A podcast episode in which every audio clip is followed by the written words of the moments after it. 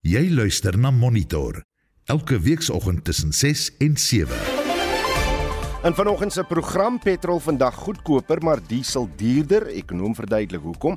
Die onafhanklike polisie ondersoekdirektoraat ondervra die slagoffers van dat jong president Paul Mashatile se beskermingseenheid. The police officers involved have also been identified and will be subjected to internal processes. As management of the SAPS, we view this as serious and we will get to the bottom of this incident. En 'n politieke wetenskaplike bekyk die uitsonderlike verhouding tussen die FSA en Israel. Welkom by Monitor onder leiding van Wessel Pretorius. Ons produksieregisseur is Daitron Godfrey en ek is Udo Karlse.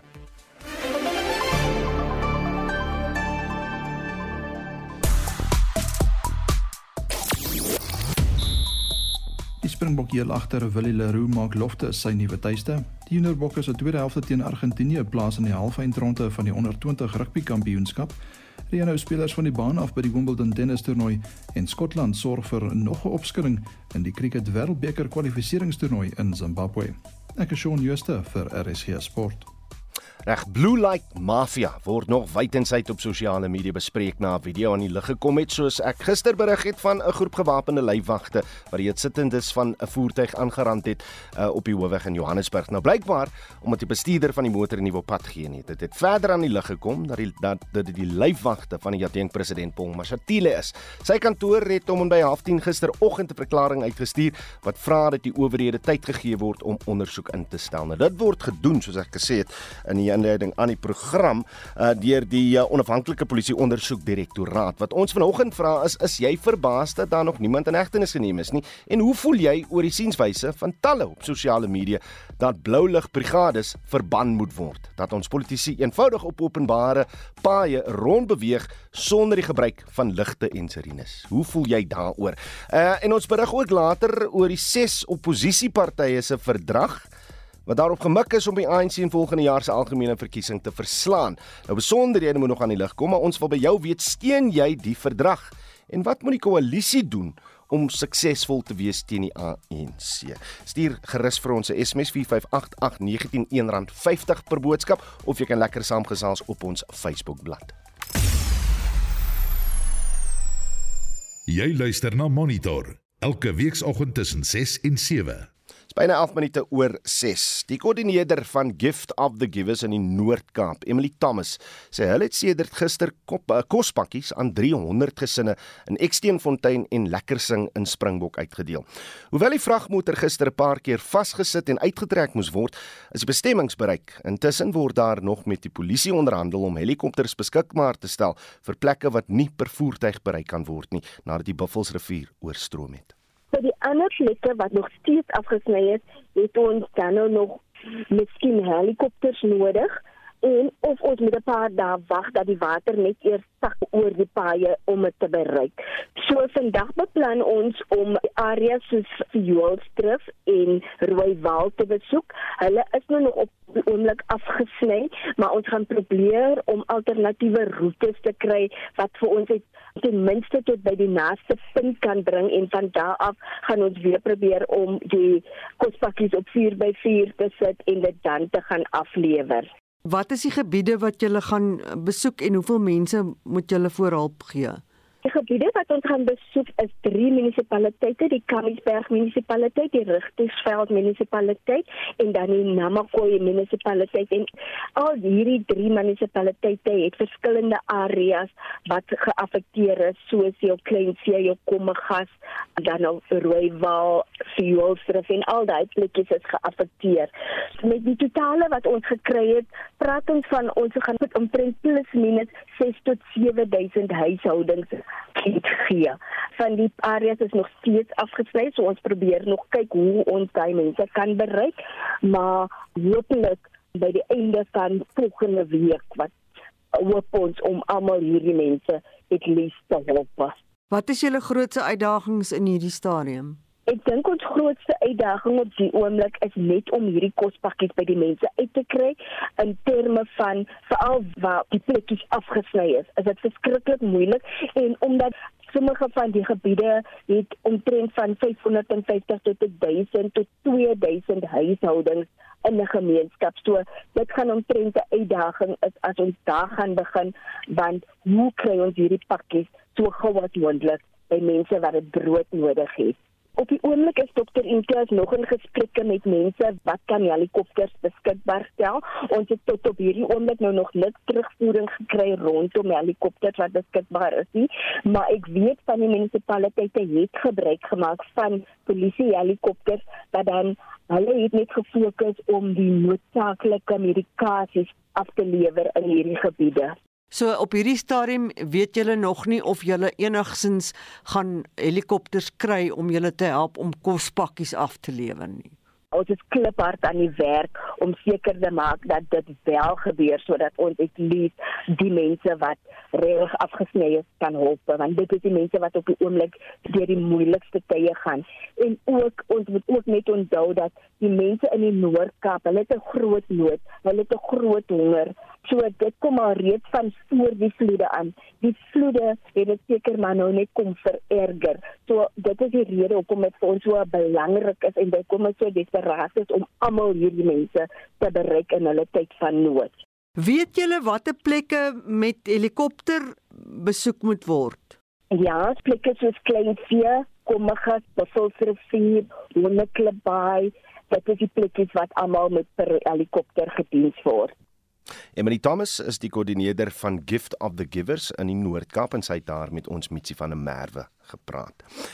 95 oktaan petrol is vandag 17 sent goedkoper en 93 oktaan petrol sak met 24 sente liter. Parafin sak met 4 sente liter en LP gas met R2.96 sente liter. Maar diesel sal met tussen 12 en 18 sent per liter styg. Ons praat nou verder hieroor met professor Jackie Walters, 'n vervoer-ekonoom aan die Universiteit van Johannesburg. Jackie, goeiemôre. Môre. Smoema gedurendtyds verduidelik hoekom diesel nood, noodwendig bietjie duurder word? Ja, ek dink ehm um, daar's verskeie faktore wat 'n rol speel hierso. Ehm um, die hooffaktor is maar die wisselkoerse en dan internasionale pryse van ehm um, diesel en petrol en so aan. Is soos maar die wisselwerking tussen uh, die internasionale pryse en die en die rand wisselkoers. Uh die groot die groot impak hierdie hierdie tydperk wat ons nou kyk is die rand wisselkoers. Uh in die vorige in, in die vorige maand was die gemiddelde koers R18.68 hmm. teenoor R18.98. So daai verskil uh het sien ons dan as voordeel vir die uh, meeste die petrolgebruikers. Hmm. Dra dra stadiger ekonomiese groei vooruitsigte by tot die laer prys van olie. Ja, daar's uh, nog steeds wesenlike bekommernis oor die wêreldekonomie en dit dra by daartoe. Uh, maar natuurlik mens moet nie vergeet nie dat die olieuitvoerlande beperk dan hulle produksie om die pryse hoog te hou ook. So beskryf altyd die volle voordeel van daai pessimistiese siening van die wêreldekonomie nie. Sê my, wat die jongste oor die die staatsheffing? Die regering het hom gebruik natuurlik om bietjie verligting te bring. Ja, die heffing is nie hierdie jaar verhoog nie. Ehm um, so dit is, dit is tot ons voordeel. Ehm um, maar hierdie brandstofheffing en die en die padongelukheffing is van die 95 oktaan brandstof, is dit 27% van die prys van 'n liter brandstof wat jy koop. Uh so gaan aansienlik, maar daar was hierdie jare verhoging gewees nie. Reg en uh, wat is jou verwagtinge vir vir die prysbeweging in die onmiddellike toekoms? Ehm um, as mens kyk na die randwisselkoers, dit lyk of my uh, 'n bietjie op die versterkingspad is as vir al die laaste maand. Ehm um, die olieprys lyk vir my asof dit ehm um, min of meer 175 dollar 'n vat um, stabiliseer of beweeg. So ek reken as die rand verder versterk mag ons dalk verdere verligting kry. Die goeie nuus natuurlik is dat 'n jaar gelede van jaar vandag um in Julie verlede jaar was die brandstofprys op sy hoogste gewees R26.74 per liter. So en vandag sit R22.46. So dis 'n besparing van R4.28 per liter. En op 'n tank 80 liter tank kyk jy na R342. So dis presies die jaar terug het ons die hoogste brandstofprys ooit gehad in Suid-Afrika se geskiedenis. As hy professor Jackie Walters is 'n vervoer-ekonoom by die Universiteit van Johannesburg. Die onafhanklike polisie ondersoekdirektoraat het bevestig dat hulle die slagoffers ondervra het van die voorval waarin adjunk president Paul Mashatile se beskermingseenheid 3 mense aangeval het. 'n Video oor die voorval op die N1 hoofweg by Sandton, uh, die afgelope naweek is op sosiale media versprei en het ewige kritiek ontlok. Die video is geneem deur 'n motoris wat die voorval gesien plaasvind het. Uh, Marlie Skeepers doen verslag. Die Gautengse polisie sê hulle het die slagoffers van die polisie-aanranding in die provinsie opgespoor. Die polisiewoordvoerder, brigadier Athlenda Mate, sê terwyl die interne departementele ondersoek na die optrede van die lede aan die gang is, distansieer die SAPD hom van die gedrag wat in die video uitgebeeld word. Sy sê dit strook nie met die waardes en gedragskode van die SAPD nie. Sy sê die nasionale polisiekommissaris van die Mosamola het 'n deeglike ondersoek beloof. The SAPS management has successfully traced the victims of this incident. The process to obtain their statement continues as part of the probe into what transpired. The police officers involved have also been identified and will be subjected to internal processes. As management of the SAPS, we view this as serious and we will get to the bottom of this incident. Adjunk president Paul Mashatile het die aanval veroordeel en gesê hy ondersteun die ondersoek. We don't condone behavior of people being beaten up by anybody. So we condemn that and we support the Commissioner of Police to investigate the incident and make sure that whoever is responsible is brought to book. Die burgerregte organisasie Action Society doen 'n beroep op die polisie om vinnig op te tree in die hantering van die betrokke beamptes. Ian Cameron van Action Society sê die voorval vereis onmiddellike optrede en aanspreeklikheid van die betrokke beamptes. Absolutely disgusting to see the behavior of these thugs. They call themselves police members, but they certainly cannot be called that. They are criminals and they should be prosecuted as such. We really hope, as Action Society, that the victims in this case do go ahead with the necessary criminal procedures. And we hope that everything in the state's power will be done to prosecute them. Intussen het John Steenhuisen, die leier van die DA, die aanranding as magsbespreek bestempel. Hy sê dit is nie 'n geïsoleerde voorval nie. Let me start by expressing my absolute condemnation of the violent attack on motorists by members of the ANC's VIP protection force. This is not the first time we have seen a murderous abuse of power by the ANC security forces directed at ordinary citizens. The ANC spends 1.7 billion rand of taxpayer money every year to maintain this VIP unit as their own personal army to push you and I out of the way on the road and to perpetrate violence as we saw in that video. Die burgerregte organisasie AfriForum sê intussen die feit dat die leiwagte die BBP eenheid van adjunk president Paul Mashatile is, vererger die voorval. AfriForum se woordvoerder oor gemeenskapsveiligheid, Jacques Broodryk, sê die organisasie verwelkom die ondersoek wat van stapel gestuur is. Hy sê dit is egter jammer dat die soort boeliegedrag en roekelose manier van bestuur reeds 'n kenmerk van die eenheid geword het. Broodryk sê niemand is bo die wet verhewe nie en die polisie moet vinnig optree om te verseker dat die leiwagte daaraan herinner word. Hierdie verslag is saamgestel deur Prabashni Moodley en ek is Marlie Skeepers vir SAK nuus.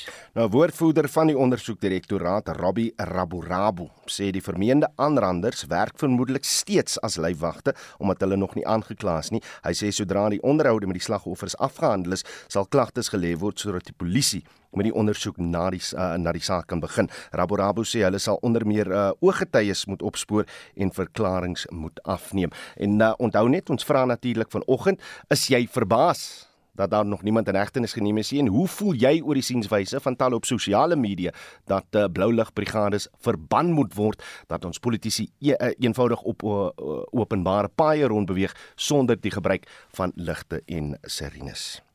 Nou die leier van die DA, John Steenhuisen, het besonderhede bekend gemaak oor die vorming van 'n oppositieverdrag wat daarop gemik is om die ANC tydens volgende jaar se algemene verkiesing te ontsetel. Die pak beoog om ook om die EFF by te bewind te hou en 'n nuwe regering te vorm na die verkiesing in 2024, sye van Derwal Potgieter berig. Ses politieke partye gaan hande vat in die aanloop na volgende jaar se nasionale verkiesing in die hoop om die ANC te onttroon. Toe hy die media toegespreek het in die sogenaamde Maanskyn ooreenkoms, het die DA-leier John Steenhuisen gesê die DA, EFF, VF+ Action SA, die United Independent Party en Spectrum National sal deel uitmaak van die koalisie. Steenhuisen is van mening dat 'n oppositiekoalisie die beste manier is om beide die ANC en EFF uit magsposisies te hou en 'n volhoubare regering daar te stel. We have exposed and fought every conceivable ANC failure and scandal up close from the opposition benches, often side by side. It's now time for the opposition to govern South Africa side by side. Now, to do so, the pact needs a national majority, and the six parties that will be around the table collectively achieved around 35% of the vote in 2021. But it is when we combine our growing strength that we can make the magic really happen. Steenhuisen sê die koalisie gaan op 16 en 17 Augustus tydens 'n beraad vergader om 'n hele aantal kwessies vir die aanvang van die verkiesing uit te pleis. Hy sê die koalisie het die vermoë om die oorgrootste meerderheid van die stem te kry. That is precisely why the National Convention is designed to negotiate many of the key elements of a post-2024 alternative government up front. So we don't have to rush to meet some two-week deadline after the election. Now, If all goes well, the pact will emerge from the convention with clearly defined values and principles, a common minimum program of action, and a formula that will hopefully show South Africa what an alternative pact cabinet could look like. Die National Freedom Party het egter die koalisie afgelag en die party se sekretaris-generaal, Kainin Maletche sê, hulle stel nie belang in 'n ooreenkoms wat nie die behoud van die oorgrootste meerderheid van Suid-Afrikaners ondersteun nie. Ours, by responding to their invitations, was merely honoring the invitation. It has got nothing to do with us agreeing to work with them because we've got nothing in common. The DA has got a particular interest, uh, whereas the NFP represent the poorest amongst our society. Therefore, we don't see ourselves forming part of a coalition with a party that has got no interest for the majority of the people of this country. Ek is Sarah van der Walt Potgieter in Pretoria. Wêreldnuus. Reg Israel sê hy onttrek sy magte aan die Wes-oewer stad Jenin na dae van aanvalle op die Palestynse vlugtelingkamp in die Gaza-streek. Ja, nou die konflik het die lewens van 12 Palestynë en een Israeliese soldaat geëis. Nou sowat 3000 mense het die gebied verlaat sedert die begin van die konflik. Die VN betreur die geweld en die FSA sê Israel het die reg om inwoners teen beweerde terreur te beskerm solank gewone burgers veilig is. Nou, ons brei later meer hieroor uit met professor Theo Venter aan die Universiteit van Johannesburg. Hier is intussen die reaksie van die voormalige Israeliese premier Naftali Bennett. Over the past year or so, we've had over 50 Israelis murdered in many cases by terrorists that were sent from Jenin camp, armed, trained, and sent to kill and murder Israelis in Tel Aviv, Jerusalem, and across Israel. Jenin has become an epicenter of terror. So we, unfortunately, had to enter the this uh, hornet's nest of terror and uh, neutralize the, the terror. Otherwise, they're going to continue killing us. So, in fact, all the Palestinians that were killed are terrorists in this case. Nou die Palestynse kamp het die bestuurshoof van die Palestynse Instituut van Diplomatie Inez Abdul Razek haar mening gelig. Unfortunately, the UN Security Council has been, you know, meeting for the past 75 years on the question of Palestine, and I think with always the same conclusions that Israel has been violating international law and basic rights of the Palestinians for 75 years, which is the source of the violence. We're looking at youth right now in Jenin whose grandparents, whose great grandparents or grandparents have been forcibly expelled already from Haifa and other areas in 1948 who are still refugees and who are completely enclaved in this area. Nou daar is steeds berigte van gevegte in die gebied so ons hou verwikkelinge dop. Reg ons verskuif van die aandag na Oekraïne waar uh, waarskuwings opnuut gerig word dat die Russe die Oekraïense kernkragaanleg in Zaporizhzhia wil aanval. Ja, die Oekraïense ambassadeur vir die internasionale kernagentskap het aan die agentskap gesê die streek kan nie nog 'n Chernobyl bekostig nie en die president Volodymyr Zelensky van Oekraïne het aan die media gesê wat hy weet. На жаль, не було вчасної Now we have information from our intelligence that the Russian military has placed objects similar to explosives on the roof of several power units of the Zaporizhia nuclear power plant. It's probable they needed to simulate an attack on the plant, or they could have some other kind of scenario. But in any case, the world sees and cannot avoid seeing that the only source of danger to the Zaporizhia nuclear power plant is Russia and no one else. Nou ons het nie klankgrepe uit Rusland gekry nie, maar Rusland ontken die aantuigings en meen Kiev beplan om die aanleg aan te val. So gepraat van Rusland, 'n Russiese ondersoekende joernalis, Jelena Milashina, en 'n prokureur is gewelddadig aangerand in die Russiese Republiek van Tsjetsjenië. Ja, dit is oral op internasionale nuus en daar's heelwat ontstellende beeldmateriaal wat hier uitkom. Nou sy's 'n prominente joernalis wat haar toespits op menseregte vergrype en was op pad na 'n hofsaak toe hulle aangerand is. Haar kop is kaal geskeur deur die aanvallers waarna hulle dit en haar gesig in groen kleurmiddel gedruk het. Haar vingers is gebreek en sy sê sy's ook met plastiek pype geslaan. Nou die BBC se Sarah Rainsford sê dit is uiters gevaarlik om in die streek oor menseregte vergrype te praat. She's been warned in the past, she's had death threats in the past, but she keeps going back and she was back there once again doing her job when this attack happened. And Yelena herself has been beaten up in the past, and yet nobody has ever been held responsible. So the Kremlin today has said that this will be investigated. But frankly, I think uh, a lot of people are fairly skeptical. En dit was Sarah Rainsford van die BBC. En dit was ons Marlene Forsie. Jy luister na Monitor elke weekoggend tussen 6 en 7. Dis 29 minute oor 6 en in die tweede helfte van ons program praat ons met Lozaan Kutse vanaf die Para Wêreld Atletiek Kampioenskap in Frankryk. Bly ingeskakel.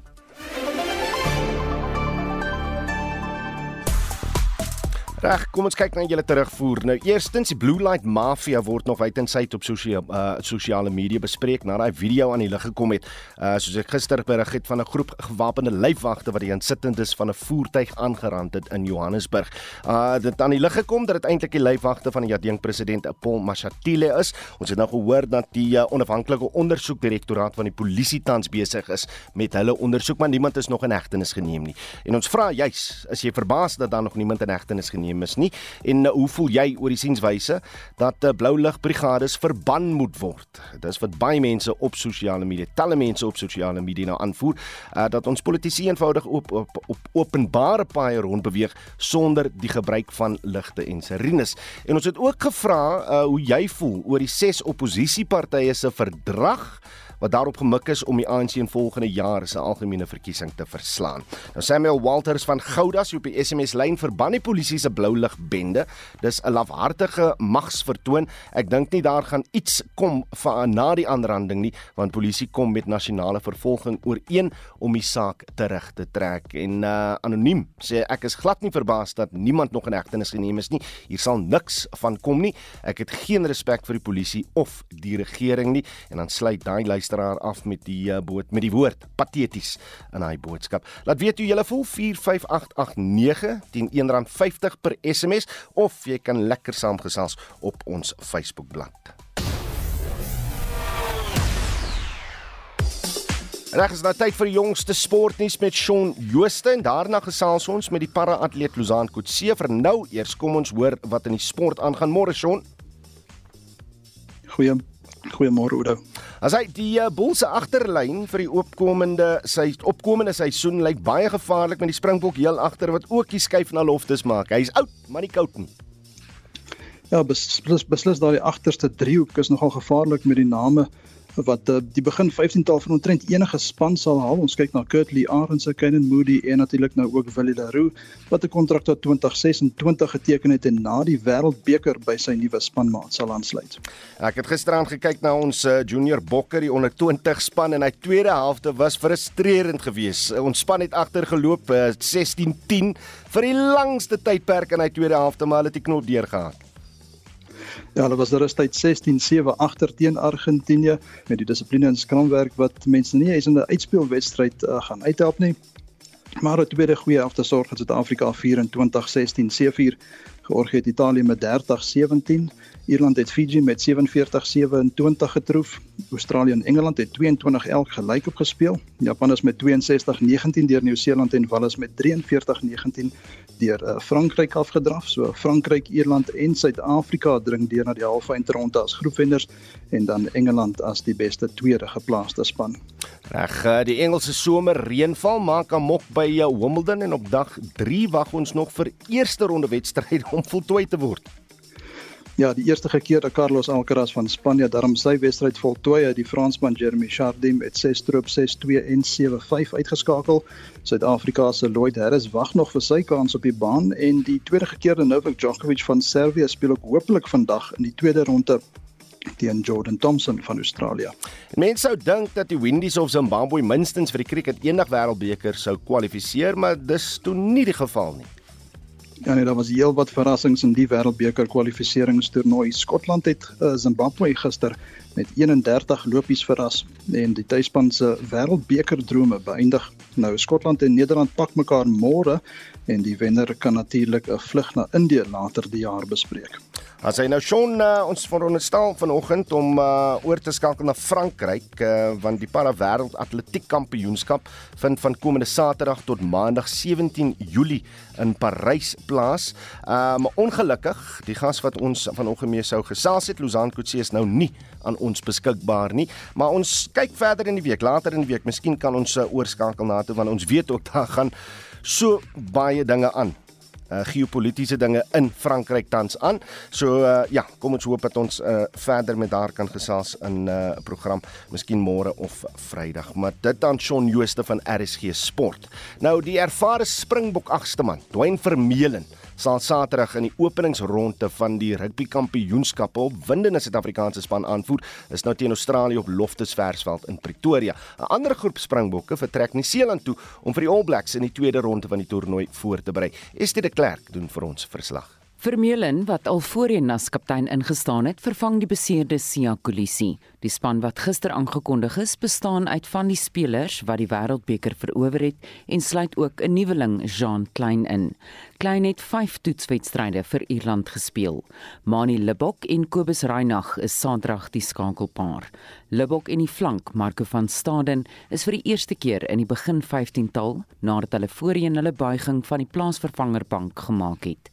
Die afrigter, Jean Kninaber Dit is altyd sleg om 'n ou so Sia te verloor of om een van jou groot spelers te verloor wat jy al 'n lang pad mee stap. Dis die negatief daarvan, maar die positief daarvan is is soos wat jy sê, partykeer kry ander spelers geleenthede. Ou so Sia sou nooit daar gewees het as daar nie iemand seer gekry het voor hom of daar nie 'n geleentheid vir hom geskep is nie. So ek kyk maar altyd probeer altyd daarna kyk na met die glas is half vol is half leeg en dit gaan 'n paar spelers se geleenthede gee om te begin en daai experience te kan optel soos Marco nou.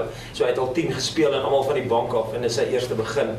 En volgende naweek weer gaan iemand anders die geleentheid kry. So of dalk Marco weer soos Rassie gesê het is nie noodwendig te sê dat die ouens wat nou gegaan het gaan begin nie van daai ouens wat nou Nieu-Seeland toe gaan, van hulle is net daar om die oefeninge te maak werk, jy weet, en dit gaan alles afhang van beserings, gaan afhang hoe ons doen aan die kant. Hy het ook 'n groep van 14 spelers aangewys wat na Nieu-Seeland vertrek vir die tweede wedstryd van die kampioenskap teen die All Blacks op die 15de Julie.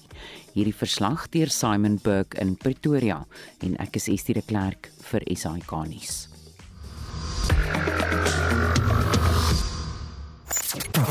Jy luister na Monitor. Elke weekoggend tussen 6 en 7. 22 minute voor 7 en ons uh, gaan na die buiteland. 'n Senior politieke ontleder by Al Jazeera, Marwan Bishara, skryf onlangs dat die verhouding tussen die VSA en Israel vir hom raar voorkom en al hoe meer eienaardiger word. Uh, dit skep vir hom, sê hy in die artikel, beeld van sinisisme tot surrealisme. Dit kom te midde van Israel se weermag se aanvalle op die dorp Jenin op die Wes-oewer waarin minstens 10 mense dood is. Ons praat nou hieroor met professor in praktyk aan die Universiteit van Johannesburg, professor Theo Venter hy's terug met ons. Theo, goeiemôre. Môre Oudo.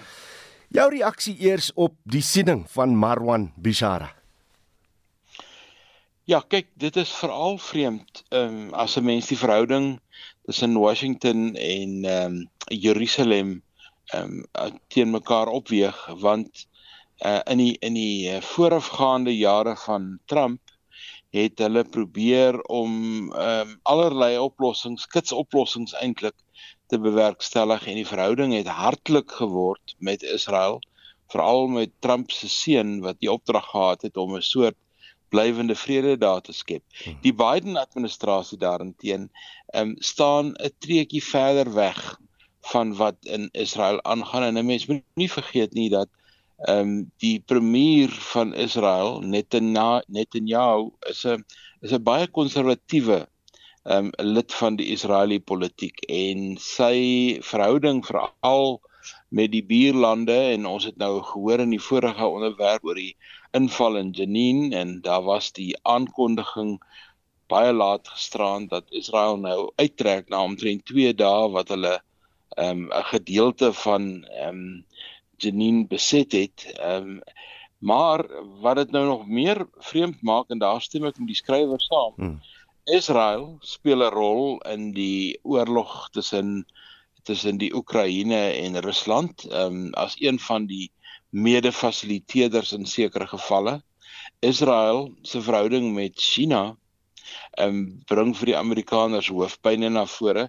Ehm um, so daar is 'n daar is 'n uh, daar is 'n breuk in die tradisionele siening hmm. dat die Amerikaners altyd die ehm um, Israeliese regering se optrede gaan steun op een of ander manier. Dit is nie hmm. meer so nie.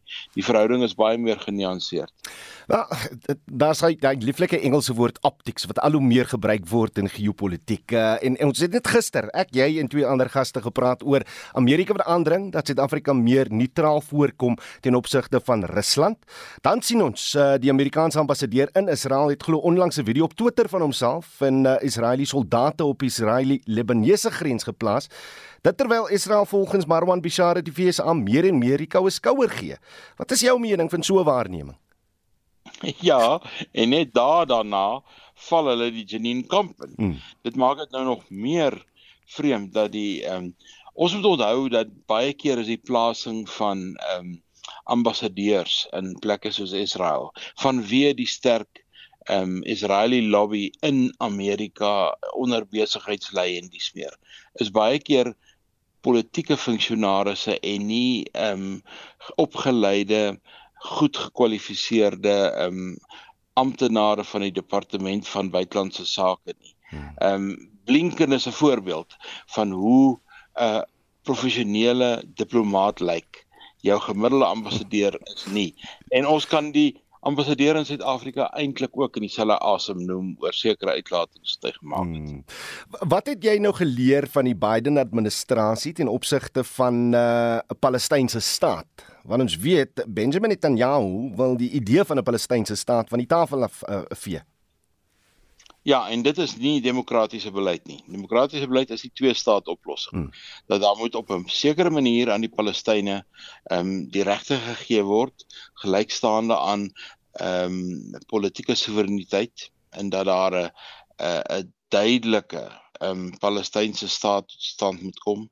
En uh, ons weet met Netanyahu gaan dit nie gebeur nie. En wat ons ook met Netanyahu weet is dat daar 'n sinisme ontstaan omdat dit wat hy sê en dit wat hy doen is twee verskillende dinge. Ehm um, hy is 'n Teflon tipe politieke leier wat al aangekla is en wat al van verskillende goeters in groot ondersoeke was maar op een of ander manier bly hy oorleef en word hy dink ek eintlik vir die demokratiese regering in Washington 'n hoofpyn. Jy jy het gepraat van 'n teenstrydigheid as dit kom by die Amerikaanse beleid, maar is niks nuut nie. Ek by Bashara het noem ook in sy artikel uh, uh Israel se kritiek teen oud-president Obama wat 'n kernwapen ooreenkoms met Iran onderhandel het, maar terselfdertyd oor 'n tydperk van 10 jaar 38 miljard rand se militêre hulp aan Israel uh, verleen het. Hulp waarmee die Biden administrasie deesdae nog steeds voortgaan. Ja, dit is 'n teenstrydigheid en van die wapens wat die Amerikaners nie wil verkoop aan die meeste lande in die wêreld nie, miskien buite hulle NAVO ehm um, uh, genote. Die sal hulle beskikbaar stel aan aan aan Israel. So Israel is wat dit betref in 'n in 'n militêr strategiese bevoordeelde posisie al vir baie baie jare. Dit is dis nou maar een van die kenmerke van Amerikaanse buitelandse beleid dat sy verhouding met veral die Arabiese lande hmm.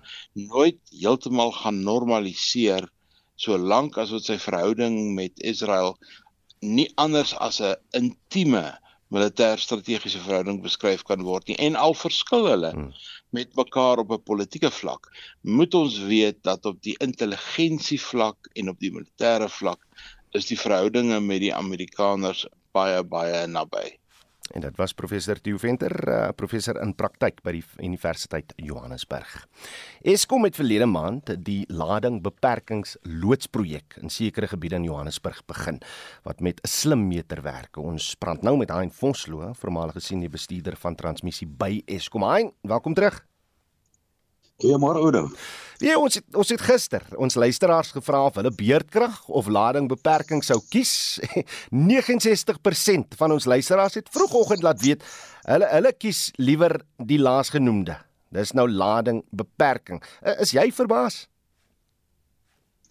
Uh nee nie heeltemal nie want as jy nou ladingsbeperking uh nou nog nie ervaar het nie en jy het beerdkrag ervaar dan kan ek maklik sien dat baie mense sal uh, eerder eerder die ladingbeperking uh hey. vat maar daar is uh daar's 'n redelike uh, uh, nadele aan die stelsel bietjie daaroor, maar voorens daarby uitkom ek sou gedink het dat, dat mense liewer hulle lewens sou wou beplan met laer fases van beerdkrag. Blyk dit makliker te wees om dit te doen, want jy weet daar kom 2 ure uh, se beerdkrag in die dag in. Met met met lading beperking kan jy nie eintlik beplan nie, jy weet nie wanneer dit gaan gebeur nie. Ja, Oudo, weet jy, daar's 'n hele klomp uh, nadele aan aan die stelsel. As jy nou sê uh, wat moet nou gebeur? Daar moet 'n slimmeter geïnstalleer word by jou huis. Dit gaan omtrent R15000 kos. Die tweede plek is jy moet by die huis wees om die apparate af te skakel sodra jy die boodskap kry. Jy moet natuurlik ook weet op jou distribusieborde waar die skakelaars is wat jy moet uh, wat afskakel.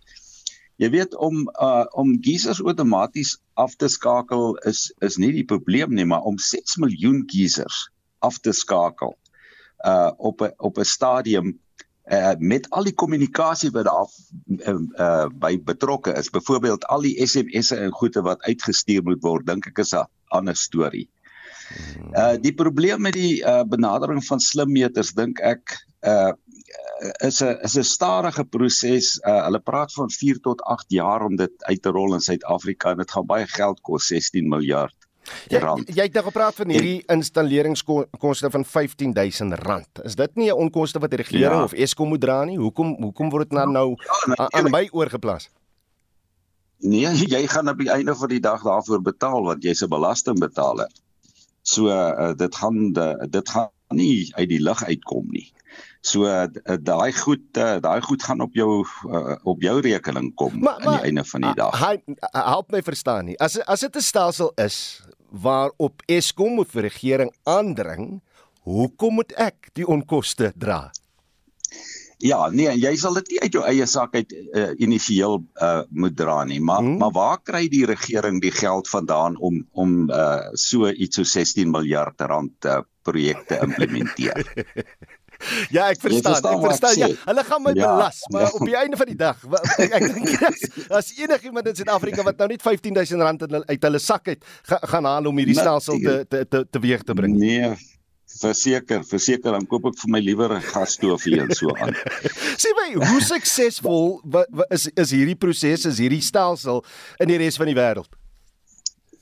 Daar is uh uh mense wat uh in Kanada byvoorbeeld uh, uh studies gep gepubliseer het om te sê dat hierdie slim meter benadering het nie eintlik regtig gedoen wat hy wat hy bedoel was nie. Hmm. Hy was aanvanklik bedoel om die gebruiker se gebruik van elektrisiteit uh, te te modifiseer. En, en en dit het nie dit het nie gebeur uh in in lande soos Kanada nie. Hmm. Dit het nie so uitgewerk nie. So daar moet eintlik 'n 'n ander 'n ander oplossing uh, aan die hand gedoen word. Maar ons ons het uh, op vorige geleenthede met jou gesels oor die loodsfase van die projek. Jy het vertel van gesprekke met Eskom om goedkoper opsies te vind. Enige vordering daar? Ja. Ja, nee, uh, daar is nou al gesprekke aan die gang, maar ons het nog 'n lang pad voor ons by die einde van die ding kom, maar ek kan gou-gou net vir jou sê dat uh, die die oplossing wat ons aan die hand doen wat ons dink wat goed gaan werk, is 'n is 'n klein apparaat wat uh, deur 'n internasionale alliansie van ouens in die wêreld ontwikkel het en dit is reeds in Duitsland gedemonstreer. Mm. En in kort hierdie uh apparaatjie sal kyk na die frekwensie van die uh van die uh netwerk, die 50 Hz. Hmm. As die uh, uh netwerk onder druk is, gaan die 50 Hz af en dan kan die apparaat outomaties uh kan hy van jou apparate afskakel vir die duur van die tyd wat die netwerk onder druk is. Hmm. Nou uh die voorbeeld daar voordeel daarvan is dat dit totaal outomaties gedoen word. Jy het nie nodig om goed te gaan aan en afskakel nie. Jy weet as jy nou huis toe ry en jy kry SMS, jy moet nou gou afskakel anders dan gaan hulle vir jou load shed. Yeah. Ja. By die tyd wat jy by die huis kom is dit te laat, né? Yeah. Ja. So hierdie hele storieetjie werk ook nie met die selfoon tegnologie se kommunikasie nie. Nie uh dit werk met 'n eie interne 5G kommunikasie. Met ander woorde, dit sit nie bo op jou uh op jou netwerk nie. En uh nou ja, daai apparaat sal dit outomaties doen. Ek dink vat jou terug net na die na die ja. vroeë 90's toe ons begin met selfone en kyk wat het ons vandag. Uh jy weet die tegnologie is vandag beskikbaar en daai goede kos 'n fraksie van die prys van 'n van 'n slim meter. Ek, ek wou nou net vra, hoe persent van die Hoeveel kos hierdie apparaatjies?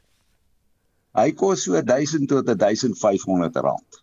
Dis aansienlik beter as 15000 rand. So, ja, Ja, nee, dit kan ek al amper as ek nou mooi spaar vir 'n week of so kan mense daarvoor ja, daarvoor betaal. Maar uh die jy weet die intensie is ook natuurlik om die goede plaaslik te doen. So ek dink ek dink hier is 'n is 'n ander oplossing en dis 'n beter oplossing. En dan die ander ding, Oudo, mm. mense moet kyk na die toekoms. Jy weet ons gaan in 'n tyd in waar ons nie meer groot kragstasies gaan hê wat vir ons deurentyd krag verskaf nie. Ons gaan wisselende bronne van uh, elektrisiteit hê soos wind en hmm. son hmm. en en daai klas van goede.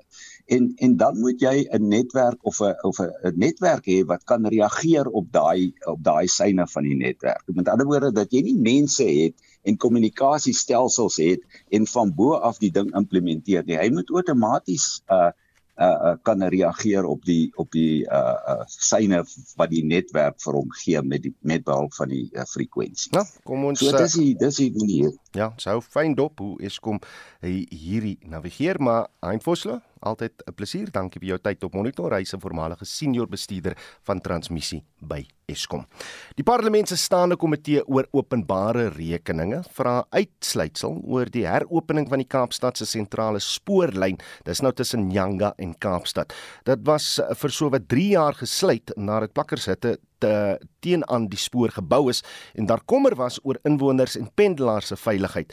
Die lyn werk slegs gedeeltelik tussen Yanga en Maitland, aangesien onderhandelinge voortgaan oor die verskywing van die plakkers. Komiteelede het saam met Prasa amptenare 'n terreinbesoek aan die spoorlyn onderneem. Celine Merrington berig. Van die gemeenskapslede op die Langa treinspoor is vasbeslote. Hulle sal nie die grond verlaat tensy hulle na meer gepaste grond geskuif word nie. Maar die spooragentskap se hoofuitvoerende beampte Hisham Imran sê as gemeenskappe nie van die treinspore verskuif word na 'n gepaste stuk grond nie, sal hulle nie die spertyd van Maart volgende jaar haal om 'n ten volle funksionele treindiens te verskaf nie. There is an implementation protocol that has been signed by various entities across government spheres. Process responsibility is to ensure we get the trains up and running.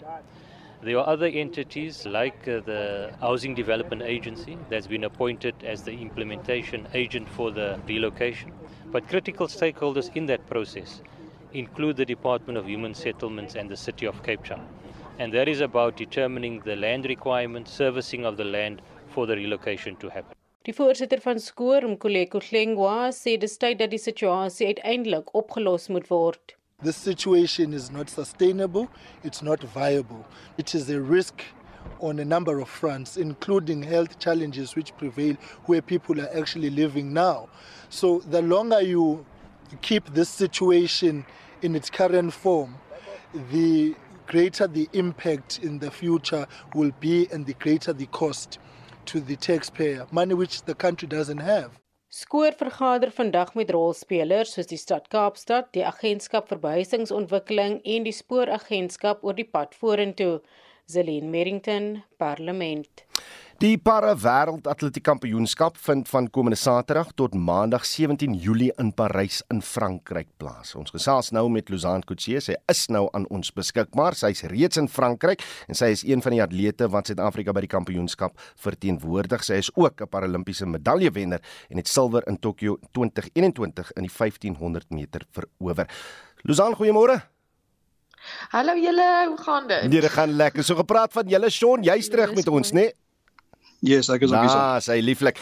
Luzan, kom ek begin met jou. Uh, jy neem tydens die wêreldkampioenskap aan die 1500 meter deel. Wanneer vind jou wedloop yes. plaas en hoe vorder jou voorbereiding? Sondag is my eiden en dan maandag is my finaal.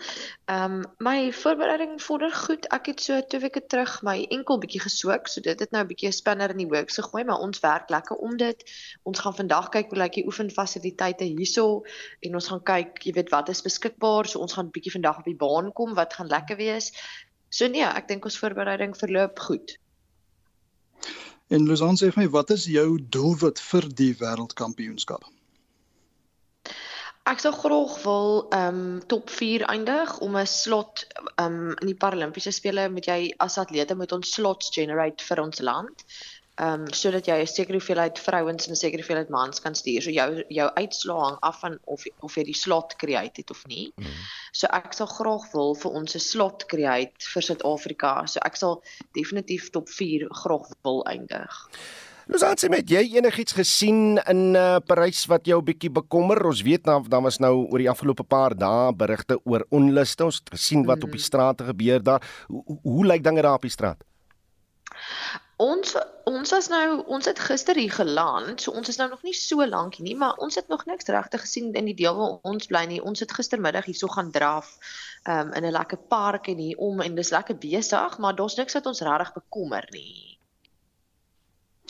En dan wil ek ook net hoor so jy het nou 'n silwer medalje in Tokio 2021 gewen. Kan jy yes. vir ons daai gevoel beskryf om 'n medalje by die Olimpiese spele te wen? Man, dis 'n moeilike gevoel om te beskryf. Ehm um, ek dink dis 'n ongeluk ongelooflike voorreg om vir jou land te kan teen deelneem en jou land te kan verteenwoordig en net die dankbaarheid wat 'n mens voel want dit was my eerste medalje van my loopbaan. So dit was baie spesiaal en dit was baie spesiaal om dit op Olimpiese spele te kon doen. So jy's nie hoor, dit was dit was regtig amazing. Wat wat kan ons van die res van die span verwag? Ons het baie nuwe gesigte, so ek dink mense is ons baie opgewonde oor dit want ek dink jy weet dit wys daar kom nuwe bloed in parasport in um, in Suid-Afrika en dit wys ons is op die regte pad in terme van ontwikkeling. So ons het lekker klomp nuwe atlete en dan het ons nou ons ou veteraan atlete soos Molelo Mhlongo en Cheryl James en Liesel Gous. Ehm um, so ek dink ons is 'n goeie kombinasie mense want daar's lekker baie nuus en dan sal ook ons seniors wat 'n bietjie meer um gesout is in in die atletiek as ek dit so kan stel. Oh, baie lekker om met jou te gesels. Ons gaan later uh, kyk na jou wedloop. Hoe jy vorder, miskien kan ons dan uh, maandag weer met jou gesels met Luzan Kutse. Baie dankie vir jou tyd op monitor. Sy is natuurlik die silwer 'n uh, silwer medal uh, medalje wenner in Tokio 2021. Dis nou die 1500 meter en neem hierdie naweek deel in die uh, para wêreld atletiek kampioenskap Luzan Kutse da en uh, natuurlik ook ons uh, sportverslaggewer Shaun Jooste.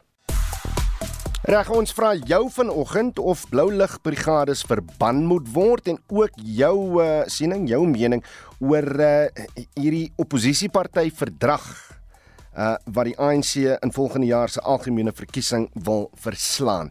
Op uh die SMS lyn sê Johannes van Potch vir enige koalisieregering om te slaag sal al die partye vir al die DA leiers moet ophou om mekaar aan te val en foute uit te wys. Hulle sal mekaar moet akkommodeer en nie hulle menings en standpunte op ander afdwing om net een party se standpunte te aanvaar nie.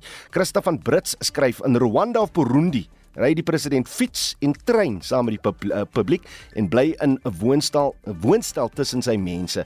Hierdie is 'n gekke paradys wat veg uh, uh, uh, vat weg liewer sê sy die uh, swier dit pas nie in Suid-Afrika nie. Dis nou Christe van Brits. En uh, Johan van Lansierie sê oor die Blou Lig Brigade verjaag en verban die soort mense en hulle meelopers maak die gift of the givers die regering hulle gee om vir die mense. Dit is die eerste keer wat ons daai mening hoor uh, op 'n uh, monitor nie. Maar dankie dat jy saamgesels het. Stuur nog van julle boodskappe 4588919 R50 per SMS of praat saam op ons Facebookblad. Ons groet dan namens ons uitvoerende regisseur Nicoline de Wee, ons redakteur vanoggend Wessel Pretorius, ons produksieregisseur Daitron Godfrey en ek is Udo Karelse. Op en wakker is volgende. Totsiens.